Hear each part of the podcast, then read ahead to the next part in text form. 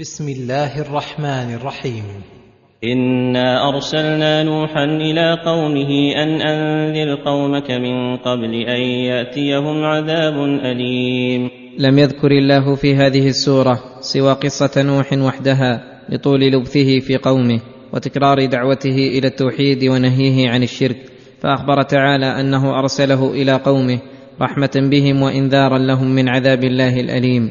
خوفا من استمرارهم على كفرهم فيهلكهم الله هلاكا أبديا ويعذبهم عذابا سرمديا. فامتثل نوح عليه السلام لذلك وابتدر لأمر الله فقال قال يا قوم إني لكم نذير مبين. أي واضح النذارة بينها وذلك لتوضيحه ما أنذر به وما أنذر عنه وبأي شيء تحصل النجاة. بين جميع ذلك بيانا شافيا. فأخبرهم وأمرهم بزبدة ما يأمرهم به فقال ان اعبدوا الله واتقوه واطيعون يغفر لكم من ذنوبكم ويؤخركم إلى أجل مسمى. وذلك بإفراده تعالى بالتوحيد والعبادة والبعد عن الشرك وطرقه ووسائله فإنهم إذا اتقوا الله غفر ذنوبهم وإذا غفر ذنوبهم حصل لهم النجاة من العذاب والفوز بالثواب.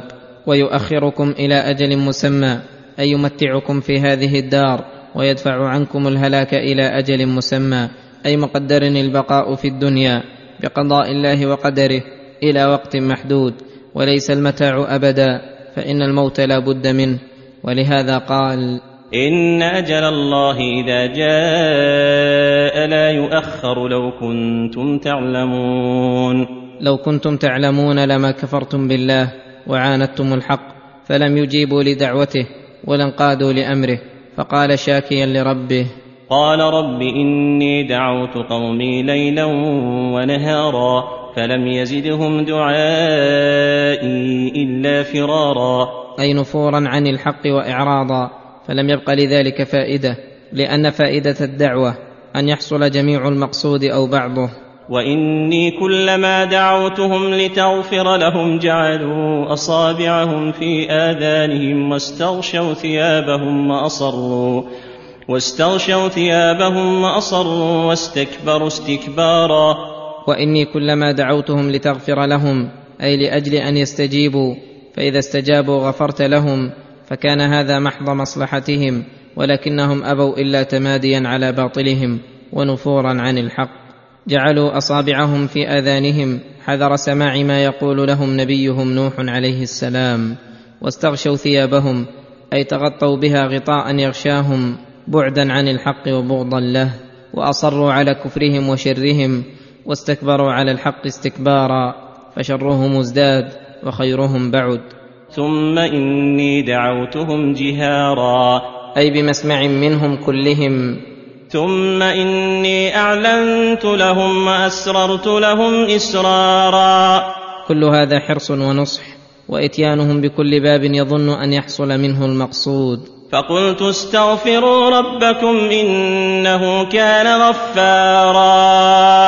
فقلت استغفروا ربكم أي اتركوا ما أنتم عليه من الذنوب واستغفروا الله منها. إنه كان غفارا. كثير المغفرة لمن تاب واستغفر فرغبهم بمغفرة الذنوب وما يترتب عليها من حصول الثواب واندفاع العقاب. ورغبهم أيضا بخير الدنيا العاجل. فقال فقلت استغفروا ربكم إنه كان غفارا يرسل السماء عليكم مدرارا. أي مطرا متتابعا يروي الشعاب والوهاد. ويحيي البلاد والعباد. ويمددكم بأموال وبنين. اي يكثر أموالكم التي تدركون بها ما تطلبون من الدنيا وأولادكم. ويجعل لكم جنات ويجعل لكم أنهارا. وهذا من أبلغ ما يكون من لذات الدنيا ومطالبها. ما لكم لا ترجون لله وقارا. أي لا تخافون لله عظمة وليس لله عندكم قدر. وقد خلقكم أطوارا. أي خلقا من بعد خلق في بطن الأم ثم في الرضاع ثم في سن الطفولة ثم التمييز ثم الشباب إلى آخر ما وصل إليه الخلق.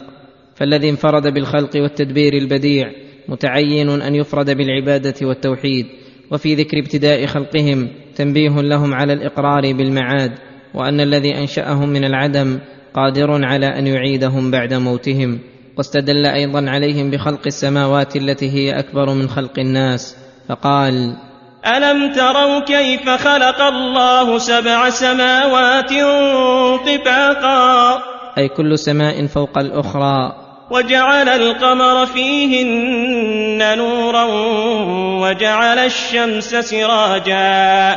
وجعل القمر فيهن نورا لأهل الأرض. وجعل الشمس سراجا. ففيه تنبيه على عظم خلق هذه الأشياء وكثرة المنافع في الشمس والقمر الدالة على رحمته وسعة إحسانه. فالعظيم الرحيم يستحق أن يعظم ويحب ويعبد ويخاف ويرجى. والله أنبتكم من الأرض نباتا. حين خلق أباكم آدم وأنتم في صلبه ثم يعيدكم فيها عند الموت ويخرجكم إخراجا للبعث والنشور فهو الذي يملك الحياة والموت والنشور. والله جعل لكم الأرض بساطا لتسلكوا منها سبلا فجاجا. أي مبسوطة مهيئة للانتفاع بها. لتسلكوا منها سبلا فجاجا.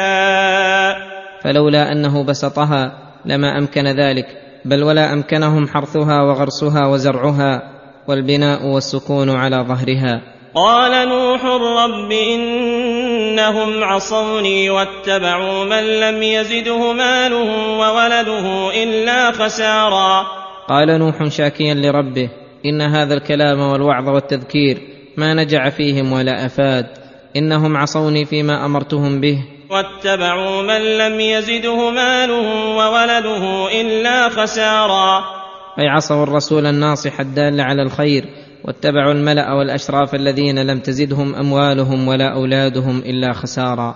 أي هلاكا وتفويتا للأرباح فكيف بمن انقاد لهم وأطاعهم؟ ومكروا مكرا كبارا وقالوا لا تذرن آلهتكم ولا تذرن ودا. أي مكرا كبيرا بليغا في معاندة الحق وقالوا لهم داعين إلى الشرك مزينين له لا تذرن آلهتكم. فدعوهم إلى التعصب على ما هم عليه من الشرك وألا يدعوا ما عليه آباؤهم الأقدمون. ثم عينوا آلهتهم فقالوا ولا تذرن ودا ولا سواعا ولا يغوث ويعوق ونسرا وقد أضلوا كثيرا. وهذه أسماء رجال صالحين. لما ماتوا زين الشيطان لقومهم أن يصوروا صورهم لينشطوا بزعمهم على الطاعة إذا رأوها. ثم طال الأمد وجاء غير أولئك فقال لهم الشيطان إن أسلافكم يعبدونهم ويتوسلون بهم وبهم يسقون المطر فعبدوهم ولهذا أوصى رؤساؤهم للتابعين لهم الا يدعوا عبادة هذه الآلهة. وقد أضلوا كثيرا. أي وقد أضل الكبار والرؤساء بدعوتهم كثيرا من الخلق. ولا تزد الظالمين إلا ضلالا. أي لو كان ضلالهم عند دعوتي إياهم بحق لكان مصلحة ولكن لا يزيدون بدعوة الرؤساء إلا ضلالا. أي فلم يبق محل لنجاحهم ولا لصلاحهم. ولهذا ذكر الله عذابهم وعقوبتهم الدنيوية والأخروية فقال مما خطيئاتهم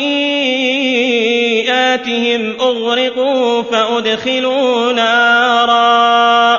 مما خطيئاتهم اغرقوا في اليم الذي احاط بهم فادخلوا نارا. فذهبت اجسادهم في الغرق وارواحهم للنار والحرق وهذا كله بسبب خطيئاتهم. التي أتاهم نبيهم نوح ينذرهم عنها ويخبرهم بشؤمها ومغبتها فرفضوا ما قال حتى حل بهم النكال. فلم يجدوا لهم من دون الله أنصارا. ينصرونهم حين نزل بهم الأمر الأمر ولا أحد يقدر يعارض القضاء والقدر. وقال نوح رب لا تذر على الأرض من الكافرين ديارا. ديارا يدور على وجه الأرض وذكر السبب في ذلك فقال إنك إنك إن تذرهم يضلوا عبادك ولا يلدوا إلا فاجرا كفارا. أي بقاؤهم مفسدة محضة لهم ولغيرهم وإنما قال نوح عليه السلام ذلك لأنه مع كثرة مخالطته إياهم ومزاولته لأخلاقهم علم بذلك نتيجة أعمالهم. لا جرم أن الله استجاب دعوته فأغرقهم أجمعين ونجى نوحا ومن معه من المؤمنين. رب اغفر لي ولوالدي ولمن دخل بيتي مؤمنا وللمؤمنين والمؤمنات. رب اغفر لي ولوالدي ولمن دخل بيتي مؤمنا خص المذكورين لتأكد حقهم وتقديم برهم ثم عمم الدعاء فقال وللمؤمنين والمؤمنات ولا تزد الظالمين إلا تبارا. أي خسارا ودمارا وهلاكا.